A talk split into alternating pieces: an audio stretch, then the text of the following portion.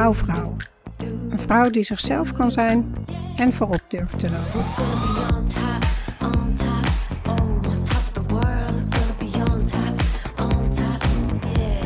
Welkom bij de podcast voor ambitieuze vrouwelijke leiders die dicht bij zichzelf willen blijven en leiden vanuit hun hart en intuïtie.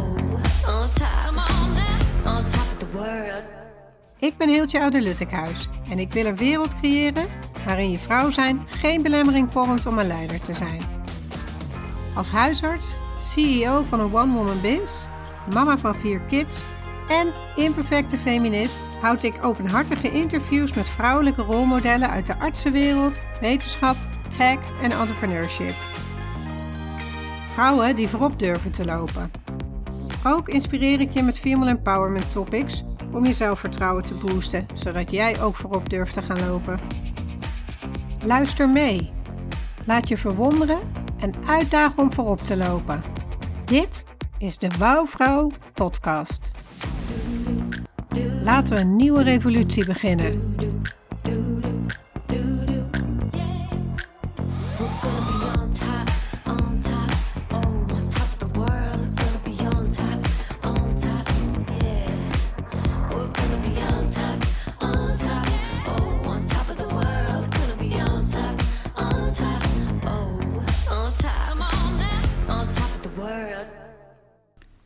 In deze aflevering hoor je een interview met Heeltje Oude Luttekhuis.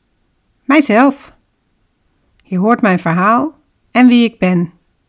Waarom ik een passie heb voor het feminisme. En wat mijn kernwaarden zijn. Oh, en je hoort ook wat de uitdagingen zijn die ik ben tegengekomen op mijn carrièrepad. No small talk here, dat zul je wel merken. Het is ook meteen een gelegenheid om mij als zowel interviewer als persoon te leren kennen. En je maakt meteen kennis met de vaste rubrieken en vragen die ik voor de structuur van het Wouwvrouw interview heb bedacht. Enjoy! Welkom, Hiltje, bij Wouwvrouw, de podcast. Hi. Laten we meteen met wauw beginnen. Wanneer voel jij je helemaal wauw? Ik voel me helemaal wauw op een moment dat ik in een waardevolle connectie met anderen ben geweest. Dat kan zijn in mijn werk als huisarts, eh, bijvoorbeeld met een patiënt of met een vriendin als we nieuwe ideeën uitwisselen. Maar afgelopen jaar heb ik dat nog meer mogen ervaren in mijn werk voor Wouwvrouw. Dat ging ook grotendeels vanuit huis, waarbij ik dan het liefst een vrouwelijke jurk draag met kick oorbellen en knalrode lippenstift. Om de wouwfactor fysiek te vergroten. Hmm. Wist je altijd al dat je dokter wilde worden? Ja, nou eigenlijk wilde ik als jong meisje al kinderarts worden. Ik wilde mensen helpen, uh, kinderen beter maken. Zelf ben ik als extreme prematuur geboren, dus dat heeft veel impact gemaakt. Ik heb 2,5 maand in het ziekenhuis gelegen na mijn geboorte. En volgens mijn moeder heb ik geknokt voor mijn leven. Dat droomdoel, daar was vervolgens ook alles op gericht. Ik was intelligent, ik deed gymnasium met extra vakken. 9 en 10 op het eindexamen en ik werd dus ook eigenlijk in één keer ingelood. Maar nadat ik een hele oude naaimachine van mijn oma in de garage vond, ontstond er een, een zijspoor om naar de modeacademie te gaan.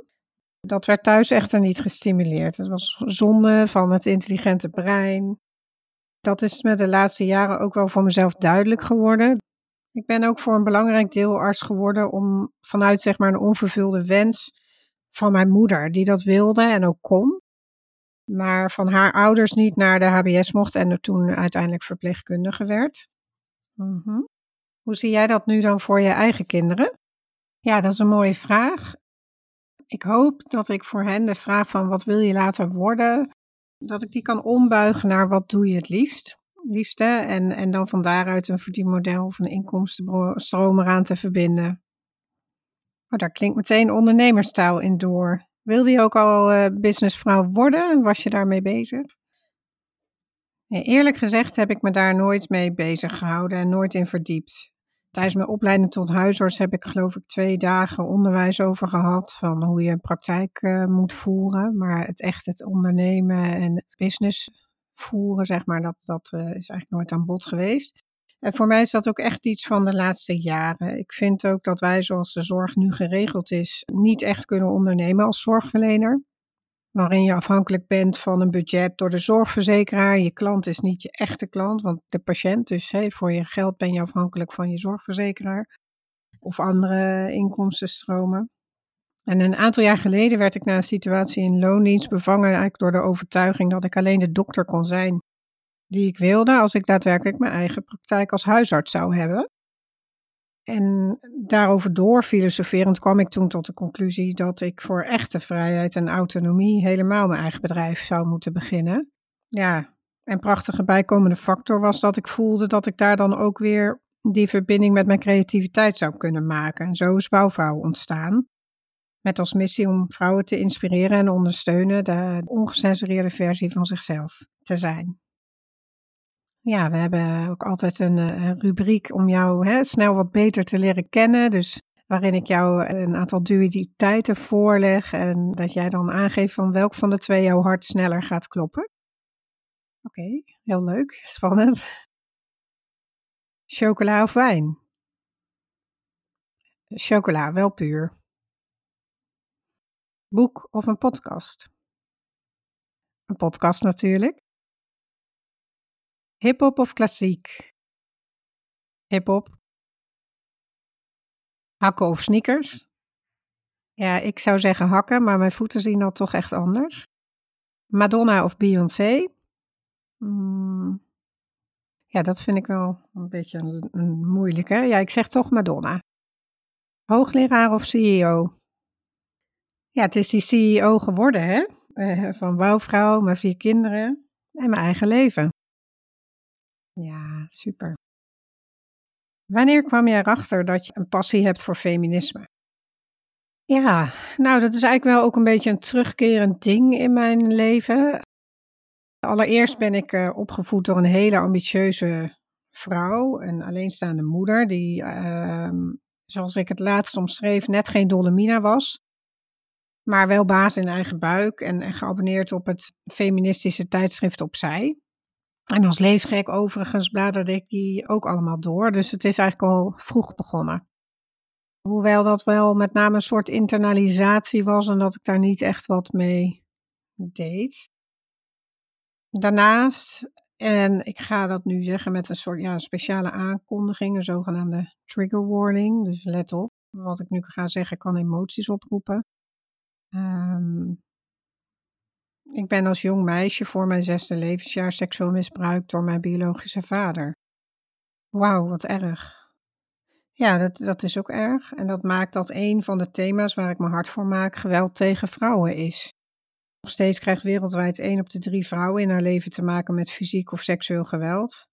En voor mij is dat fysieke geweld eh, de extreme uiting van ongelijkheid tussen mannen en vrouwen.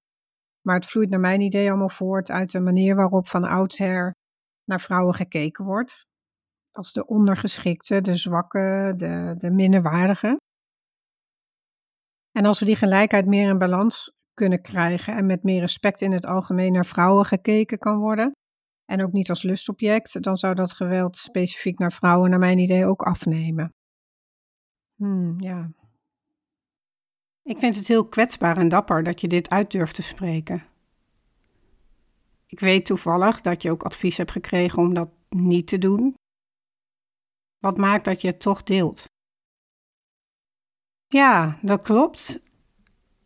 Overigens denk ik dat dat advies wel vanuit bescherming naar mij is geweest, van geliefde, maar ook van business coach bijvoorbeeld, van is het wel goed voor je bedrijf? Wat maakt dat ik het deel, is dat een van de manieren waarop wij ons als vrouwen klein houden, is dat we niet ons eigen verhaal vertellen. En juist mijn missie is dat je de ongecensureerde versie van jezelf kan zijn. En dat betekent dat je dat met jouw verhaal bent. Dus in de voorbereiding op dit interview heb ik ook daarover nagedacht. Wil ik dat delen? Wat wil ik ermee? Waarom deel ik het? Maar het is zo'n substantieel onderdeel van mijn leven en heeft mij gemaakt en gevormd tot wie ik ben, dat ik het niet achterwege kan laten. Het weglaten ervan veronderstelt ook dat er iets mis mee is, alsof ik er zelf iets aan zou kunnen doen, alsof het een schande is. En dat wil ik uitdragen dat dat niet zo is. En ja, het maakt ook dat ik extra fel ben op eh, vrouwengeweld en dat ik dus daar dingen misschien over deel.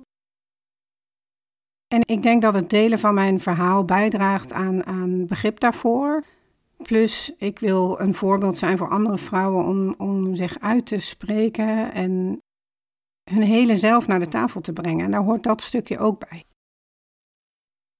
Ja, helder. Als we dan ingaan op jouw verhaal, hoe is jouw carrièrepad eigenlijk gelopen? Ja, nou zoals eerder gezegd, hè, ik ging geneeskunde studeren omdat ik kinderarts wilde worden. Van, denk vanaf mijn tiende of zo dat ik dat besloten had. En uh, toen ben ik eerst twee jaar werkzaam geweest als agnio. Dus niet in opleiding is dat, artsassistent niet in opleiding. En vervolgens ben ik promotieonderzoek gaan doen. In dat traject ben ik, of ja, net daarna, terwijl ik net in de opleiding was tot kinderarts, ben ik burn-out geraakt en thuis komen te zitten. En daarin hebben zich allerlei politieke ontwikkelingen afgespeeld. En ik werd zwanger. Dus ik was aan het reïntegreren en toen kwam ik zwanger terug. Voor mijn gevoel was dat ook de kentering. Daarna was het afgelopen. Ik werd in mijn zwangerschap, probeerde men mij uit de opleiding te zetten. Daar zitten financiële motieven ook achter. Hè. Uh, op dat moment was het nog zo geregeld dat als iemand zelf stopte met de opleiding, dat de financiering voor diegene die de opleiding was ook stopte. Die kon je dan niet besteden aan iemand anders. Goed, na de geboorte van mijn eerste kind ben ik toen de huisartsopleiding gaan doen. Daarna heb ik als waarnemend huisarts in, in het noorden gewerkt, in Groningen. En voor het werk van mijn man zijn we uiteindelijk naar het zuiden van het land verhuisd. Dat was een strategische keuze in de zin van: het is lastig voor medisch specialisten om een vaste baan te krijgen, lastiger dan voor huisartsen. Ja, de, de, de veronderstelling was dus ook van als mijn man een vaste baan heeft, dan gaan we daar werken en dan kan ik daar ook een baan vinden of een praktijk overnemen, eventueel als huisarts. En voordat we naar het zuiden verhuisden, ik woon in Noord-Limburg, hadden we al drie kinderen en was ik, had ik eigenlijk de grootste zorgtaak voor de kinderen, omdat mijn man buiten Groningen werkte en door de week ook zelfs woonde. Achteraf, als ik daarop terugkijk, is dat niet een hele bewuste keuze geweest, maar ook zo gegroeid, omdat je vanuit je bestaande situatie dingen oppakt. Dat, dat is misschien iets wat ik anders had kunnen doen. Goed, in Limburg ben ik eerst waarnemer geweest en daarna een korte tijd in loondienst. En zoals ik eerder vertelde, heeft dat dingen voor mij aan het rollen gezet dat ik ben gaan nadenken van hoe zie ik de invulling van mijn leven. En als ik een bedrijf moet beginnen, is dat dan een huisartsenpraktijk of zie ik dat anders? Ja. En hoe ben je erbij gekomen om dan deze podcast te starten? Ja, we hebben natuurlijk een heel lastig jaar, denk op zijn zachtst gezegd, achter de rug waarbij ineens dingen veranderen en anders worden. Plus mijn persoonlijke reis of ja, ontwikkeling die ik aan de afgelopen jaren heb doorgemaakt. En natuurlijk het verlies van mijn moeder, wat meespeelt in het is nu of niet. Die gedachte. Ik zou niet willen terugkijken als ik straks 60 ben hey, ik had toen die droom of die wens en die heb ik niet nageleefd omdat ik niet durfde of omdat ik het moment niet vond. Ja, dus dat. En om het concreter te maken, wat er gebeurde vorig jaar met de coronacrisis en die eerste lockdown, zat ik ineens thuis met vier kinderen. Dus in plaats van dat ik aan mijn bedrijf werkte of überhaupt als huisarts werkte, ik was namelijk minder gaan werken zodat ik tijd met mijn moeder door kon brengen, zat ik thuis met vier kinderen te thuisscholen. En voor mijn gevoel was me dat ineens overkomen. En mijn man die was elke dag van 8 tot 5 aan het werk in het ziekenhuis. En niet in de vuurlinie, om het zo maar te zeggen. Dus daar ontstonden discussies thuis van moet je elke dag van 8 tot 5 aanwezig zijn? Want ja, ik, ik zou ook wel kunnen en willen werken als huisarts hebben een belangrijk aandeel natuurlijk ook in de zorg voor coronapatiënten gehad en nog steeds. Ja, dat maakte dat ik dus met mijn man het gesprek aanging en ook moest aangaan, omdat ik zoiets had van ja, wat, wat is jouw aandeel in de zorg voor ons gezin? En om hem positiever in te zetten was de onderliggende vraag hoe kunnen we samen de zorg voor ons gezin dragen? Want mijn man had ook zoiets van ja, maar ik wil helemaal niet dat jij vier dagen thuis zit met de kinderen, want ik zie dat je daar niet gelukkig van wordt. Dus ja, zijn we daar verder naar gaan kijken. En dat heeft voor mij ook het vuur aangewakkerd. Zo van, wauw, ik dacht dat ik best wel bewust ermee bezig was. En toch zit ik hier ineens thuis met de kinderen. Ook omdat ik zelf het gesprek niet aan ben gegaan. Niet proactief of er niet voldoende stil bij heb gestaan. En wat heeft je dat tot nu toe opgeleverd? Nou, het maakte wel dat we in die, die tweede lockdown, waarbij de scholen dus plotseling weer dicht gingen. En dat viel ook echt samen met een absolute verslechtering van de conditie van mijn moeder. Dat we echt samen keken van oké, er, is, er is een probleem ontstaan of er moest ineens een kind in thuisquarantaine. En ja, dat mijn man dus ook vanuit huis 40 polypatiënten ging bellen en uh, daarnaast probeerde de scholing van de kinderen te doen. En dat ik weer meer ging werken als huisarts. Mooi. Een vraag die jij andere vrouwelijke rolmodellen in deze podcast ook voorlegt, is wat zijn de uitdagingen of obstakels die je zelf bent tegengekomen in je carrièrepad? Ja, dat klopt. Er zijn een aantal dingen die ik terugkijkend heb gezien. Want ik moet heel eerlijk zeggen, het begint ermee bewust te worden dat er uh, sprake is van stereotypering en gendermindset. Ik heb tien jaar tegen mezelf gezegd van het is mijn verhaal, mijn probleem, het zal wel aan mij liggen. Andere vrouwen hebben dit niet. Totdat me dus nu in die crisistijd duidelijker werd, misschien ook omdat ik meer dat gesprek aanging, dat er een heleboel vrouwen zijn die vergelijkbare situaties hebben. En een voorbeeld wat ik daaruit kan geven, dat is niet per se iets wat ik zelf zo ervaren heb. Maar ik hoorde iemand vertellen die van een eerdere generatie is als ik, van ja, hè, uh, tegenwoordig is het super makkelijk om uh, borstvoeding te geven en te kolven op het werk. Want er wordt even een patiënt minder ingepland op je spreekuur. En toen dacht ik, ja, maar is dat, is dat wel zo? Hè?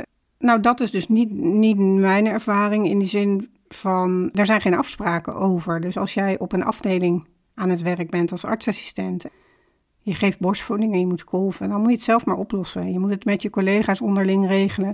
Ook degene die geen kinderen hebben, die nog niet weten wat het inhoudt om te kolven. Plus daarmee veronderstel je, en ik snap dat, want bij mij was het heel makkelijk, maar daarmee veronderstel je dat iedereen in 10 minuten even zijn borsten leeg kan kolven en dat het dan klaar is. Tien jaar geleden, toen ik mijn eerste kind kreeg, waren er niet specifieke kolfruimtes. Zelfs niet in het ziekenhuis waar ik werkte, een groot academisch ziekenhuis. Nee, je moest zelf maar zorgen. Ja, daar, ergens achteraf was één kamertje voor. Nou, hoeveel vrouwen zullen er werkzaam zijn in het ziekenhuis? He, want die was voor de artsen, de verpleegkundigen, voor iedereen. Nou, praktisch is het niet als je eerst een half uur moet lopen of met de lift moet, omdat je aan de andere kant van het ziekenhuis moet kolven. En kijk, weet je, ik hang een bordje op de deur, niet zo uh, work in progress. Maar er zijn ook vrouwen die daar meer moeite mee hebben. En dat onderken je niet door dat zo te doen. Daarnaast was er geen goede regeling voor zwangerschap en zwangerschapsverloven. Als iemand zwanger werd, dan viel die uit drie maanden en dan moest de rest dat allemaal maar opvangen. Dat is ook nog steeds op heel veel plaatsen hoe het geregeld en georganiseerd wordt. Terwijl, ja, je kan je voorstellen, in de kindergeneeskunde werken veel vrouwen. Er zijn er continu zoveel zwanger dat je daar fulltime iemand voor aan kan nemen om die uren op te vangen. En ik heb destijds, heb ik ook wel begrepen, dat daar niet goed over nagedacht wordt. Dat er geen financiële zekerheden, eh, geen verzekeringen, geen regelingen voor worden getroffen. Een ander ding wat dat in de hand werkt, is de afgunst naar elkaar. Je creëert daarmee een sfeer dat het dus een probleem is als er iemand zwanger wordt en afwezig is. Dat, dat heb ik ook gemerkt. Denk ook wel dat, nou, inmiddels zullen de meeste, zeker ook mannelijke opleiders, geleerd hebben om iemand te feliciteren die zwanger is. Maar meestal is het van, oh ja, je bent zwanger, nou. En dan worden even de dingetjes uitgelegd waar je niet op hoeft te rekenen en wat je niet eh, kan verwachten. Dus het wordt een probleem gemaakt dat je vrouw bent en zwanger wordt, in plaats van dat we kijken van, hé, hey, het is een gegeven. Wij hebben te maken met een grote groep vrouwelijke collega's die zwanger worden. Wat is ons beleid daarin? Hoe kunnen we daar samen voor zorgen dat dat soepel loopt en dat niet de, de werkstress daarvan op iemand anders schouders komt? Ik ben natuurlijk de huisartsopleiding gaan doen en daarin was dat al een stuk progressiever. Daarin was het mogelijk om deeltijd te werken. Een ander probleem was bijvoorbeeld toen ik bij de kindergeneeskunde nog werkte. Ik heb het uiteindelijk gelukkig niet meegemaakt, omdat ik dus wegging in de zwangerschap van mijn eerste kind. Dat je niet deeltijd kon werken, dus je kon alleen in deeltijd de opleiding doen als je ouderschapsverlof opnam. En het is in principe in Nederland zo geregeld, als jij in één keer ouderschapsverlof op wil nemen, dan kan dat. Maar als je het anders wil, en vaak werd natuurlijk zo geregeld dat je één dag in de week ouderschapsverlof had. En door de verandering in bijvoorbeeld de arbeidstijdenwet werd ineens bedacht van uh, iedereen krijgt die ouderschapsverlof opneemt, krijgt één keer in de zes weken één week vrij. En al die andere weken moet je fulltime werken. Nou, ik weet niet of je daar al wat informatie over hebt, maar het is niet heel makkelijk om daar bijvoorbeeld kinderopvang op te regelen. Een ander ding waar ik tegenaan liep was dat ik vanwege uh, het feit dat ik dus vijf dagen in de week dan moest werken, die vijf weken, dat ik me wilde inschrijven bij de kinderopvang voor vijf dagen. En dat vanuit de kinderopvang de gedachte was: nee, dat is heel slecht voor kinderen. Dus wij nemen sowieso nooit kinderen aan die meer dan vier dagen. Je mag nooit meer dan vier dagen kinderopvang afnemen. Dat vond ik best wel lastig.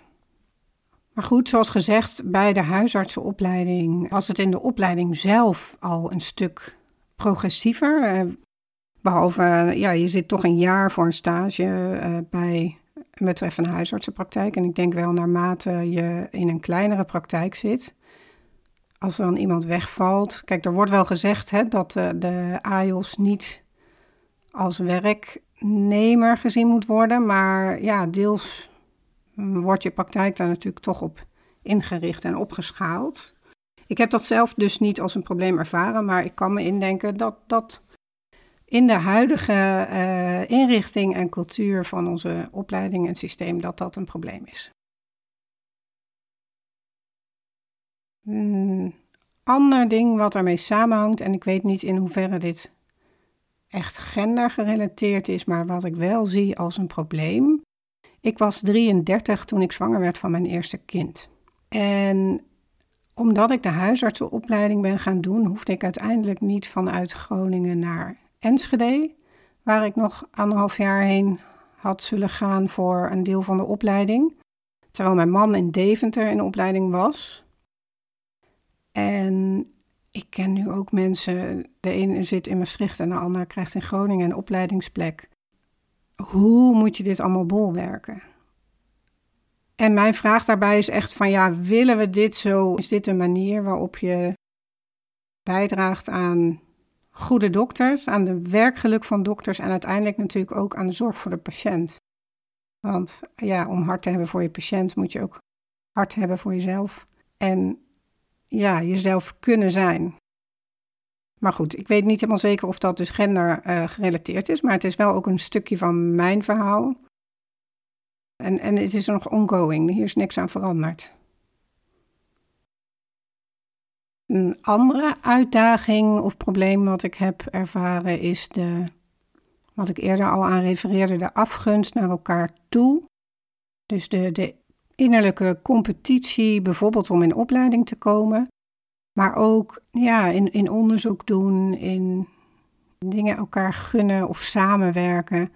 Ik werkte samen in een team om kinderen met overgewicht te begeleiden om minder zwaar te worden.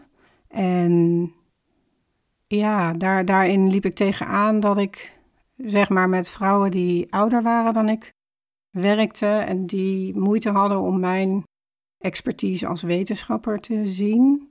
Anderzijds, ik had geen flauw idee waar ik mee bezig was. Het was niet alsof ik een soort leidinggevende cursus had gekregen of dat ik enige informatie had gekregen over hoe ik een team moest aansturen. Ik moest het allemaal zelf uitzoeken. Maar dat maakte wel ehm, dat het stroef ging en moeilijk was.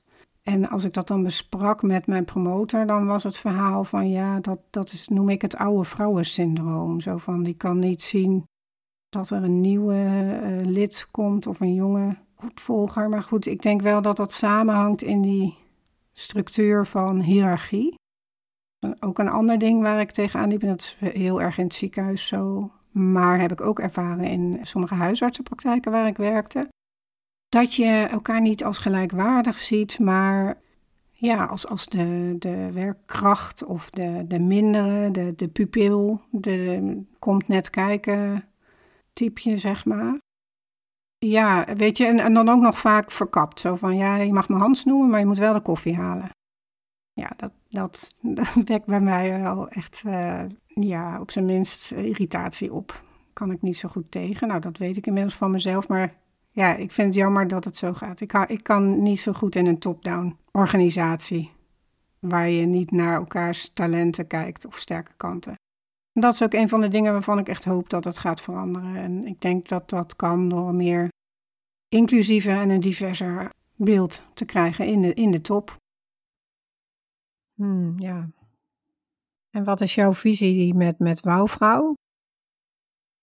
Ja, mijn, mijn drijfveer daarin is de gedachte dat elke vrouw de ongecensureerde versie van zichzelf kan zijn en haar dromen na kan jagen. Dus dat je jezelf zonder maskers, zonder lagen, de volledige essentie van wie jij bent kan, kan zijn en kan laten zien. En dat wil ik voor mezelf en, en voor jou en ook voor onze dochters. Wij zijn in onze westerse wereld gemanoeuvreerd van uh, dat het eerst überhaupt niet veilig was om als vrouw jezelf te zijn of je stem te laten horen. Naar dat het niet gewaardeerd wordt omdat het afwijkt van de normaal, namelijk de, de mannelijke dominantie in dit geval. En ik heb dat zelf ook ervaren. Ik was te fel, te aanwezig, te eigen gereid, mijn schoenen te rood en te spits. Dat hebben mannelijke collega's letterlijk tegen me gezegd. En toen ik me daaraan ging aanpassen, verloor ik al mijn eigenheid en eigen energie. Uh, ja, zodra je je in gaat houden, verlies je dat. Verlies je je eigenheid. En als je je steeds moet voorhouden dat je iemand anders moet zijn of je kleiner moet maken omdat je je moet aanpassen, dan kost dat ontzettend veel energie. Bij mij viel eigenlijk het kwartje pas toen ik een hoogleraar interne geneeskunde, ook in een podcast overigens, over haar leiderschap hoorde vertellen dat zij nooit zozeer het gevoel had gehad dat, er heel, dat zij er heel hard voor had hoeven te knokken. En, en haar eigen inzicht daarbij was omdat ze zichzelf zag als een vrouw met meer masculine eigenschappen, zoals, daadkracht en resultaatgerichtheid. Maar dat ze zich wel kon voorstellen dat een vrouw met meer feminine leiderschapskwaliteiten in onze huidige cultuur meer moeite heeft om aan de top te komen. En ja, ik besefte toen dat ik ook zo'n vrouw ben. Ja, mooi. En, en, en wat zijn jouw feminine kwaliteiten dan? Nou, als ik het ophang aan, die, aan de tien competenties voor moderne leiders, zoals uh, voortgekomen uit onderzoek van John Gersema en Michael D'Antonio, de Athena Doctrine. En dat zijn dan expressief, plannen voor de toekomst, beslist, redelijk, loyaal, flexibel, geduldig, veerkrachtig, intuïtief en coöperatief, waarvan overigens alleen beslist en veerkrachtig worden aangeduid als masculine eigenschappen, dan zou ik mezelf bestempelen als expressief, flexibel en geduldig. En met dat laatste kom ik dus in mijn huidige werkstructuur van een consult binnen 10 minuten regelmatig in de knel. Mensen krijgen van mij alle ruimte voor hun verhaal. Oh, u bent die dokter die, bij wie je langer mag blijven zitten, vertelde een patiënt mij ooit. En eigenlijk wist ik toen niet precies of ze nou bedoelde dat ze binnen of buiten mijn kamer bedoelde. Dan antwoordde ik, ja dat klopt. Dat betekent alleen ook dat u langer in de wachtkamer zit, zeg maar. Hmm. Wie is jouw rolmodel? Ja, dat is eigenlijk een cliché, maar toch een die voor mij vaak terugkeert, omdat het voor mij het feminisme en geneeskunde met elkaar verbindt. Dat is Aletta Jacobs. En de manier waarop ze zich heeft ingezet voor de rechten van de vrouw, onder andere het stemrecht voor vrouwen, de mogelijkheid tot opleiding, anticonceptie. Dat vind ik echt fenomenaal, zeker voor die tijd. En ja, ze kwam van een goede familie en was in tal van opzichten bevoorrecht. En toch heeft zij zich voor alle vrouwen hard gemaakt. Wat ik daarmee wil zeggen is dat je het voorrecht dat je zelf hebt ook ten goede kan gebruiken of inzetten. En dat is bijvoorbeeld ook wat zo'n vrouwelijke hoogleraar, hè, die dus van zichzelf heeft erkend van, voor mij is het misschien makkelijk geweest, maar ik wil toch ook andere vrouwen die voor wie het minder makkelijk is, ook inspireren en laten zien dat het wel kan.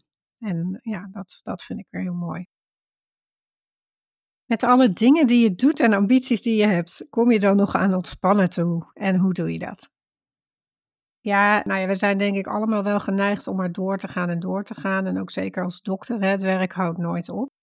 Maar ik heb voor mezelf duidelijk gemerkt, een aantal momenten ook in mijn leven, dat, dat het toch heel belangrijk is om die, ja, die energie weer aan te vullen en op te laden door middel van ontspanning. En ik doe dat zelf op twee manieren. Ik beperk heel erg de negatieve invloeden van buitenaf. Een hele belangrijke voor mij daarin vind ik de media, de krant en het nieuws. Die houd ik niet bij. Want mijn ervaring is dat ik dingen die er echt toe doen, toch wel te weten kom.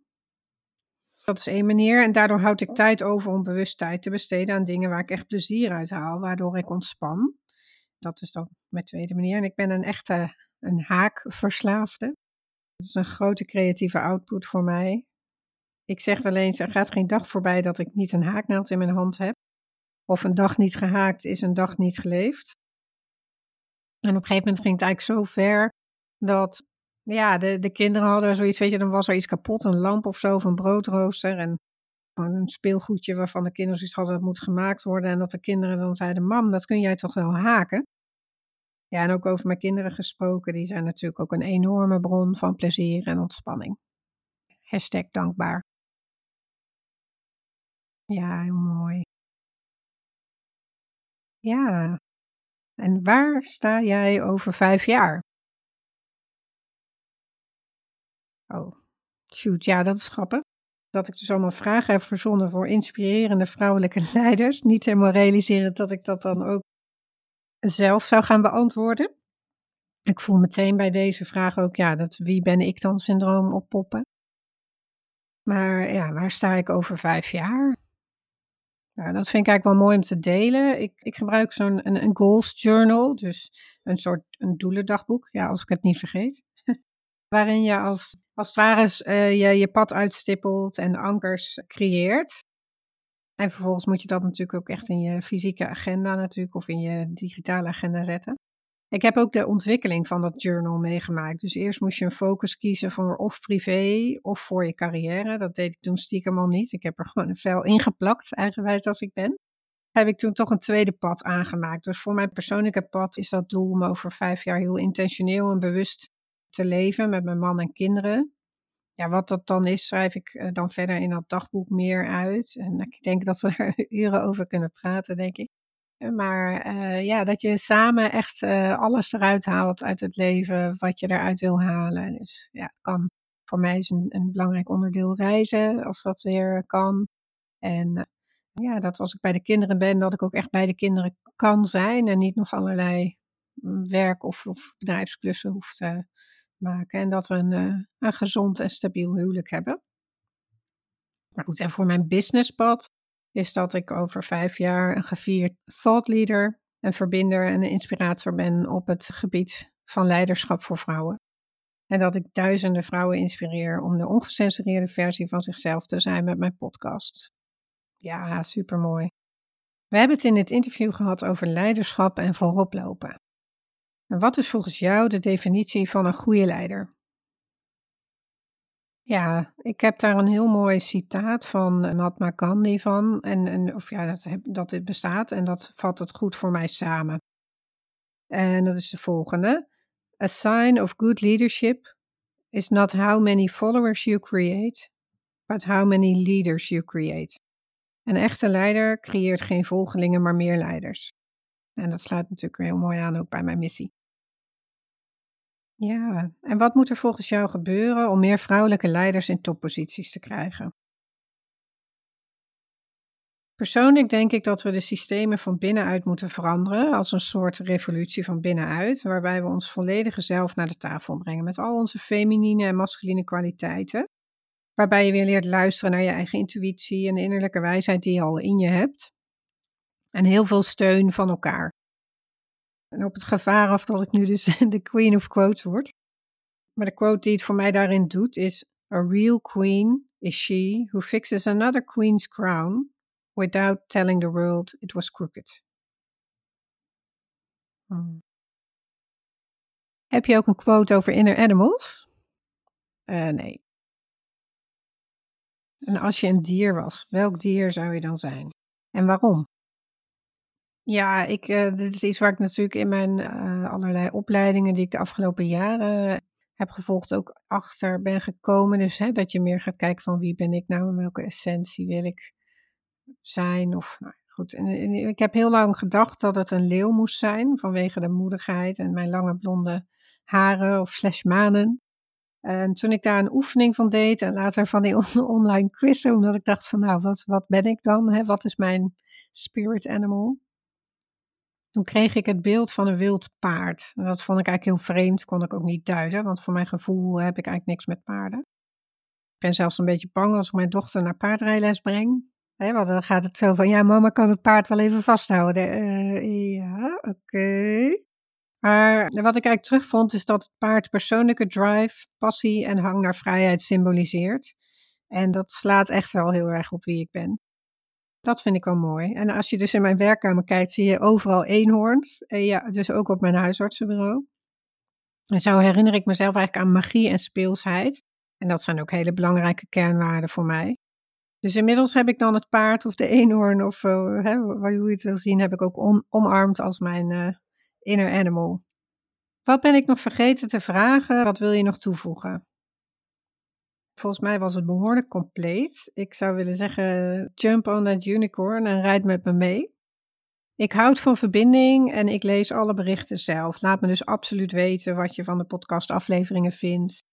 Wat je heeft geraakt of geïnspireerd. Waar je graag meer van wil horen en suggesties voor interviews en onderwerpen. Allemaal welkom. In de outro hoor je hoe je contact met me kan maken. Ja, dankjewel voor het interview. Graag gedaan.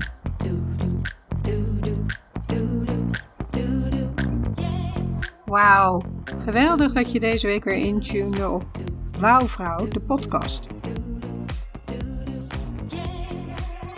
Ik ben heel nieuwsgierig wat je inspireerde of welke inzichten je uit deze aflevering haalt. En stuur me natuurlijk absoluut een bericht als je acties onderneemt om voorop te lopen. Ik ben je grootste cheerleader. Leuk om te connecten. Op LinkedIn kun je me vinden als Heeltje Oude Luttekhuis. Ik weet het, een hele mond vol. Ik sta meestal bekend als die dokter met die moeilijke naam.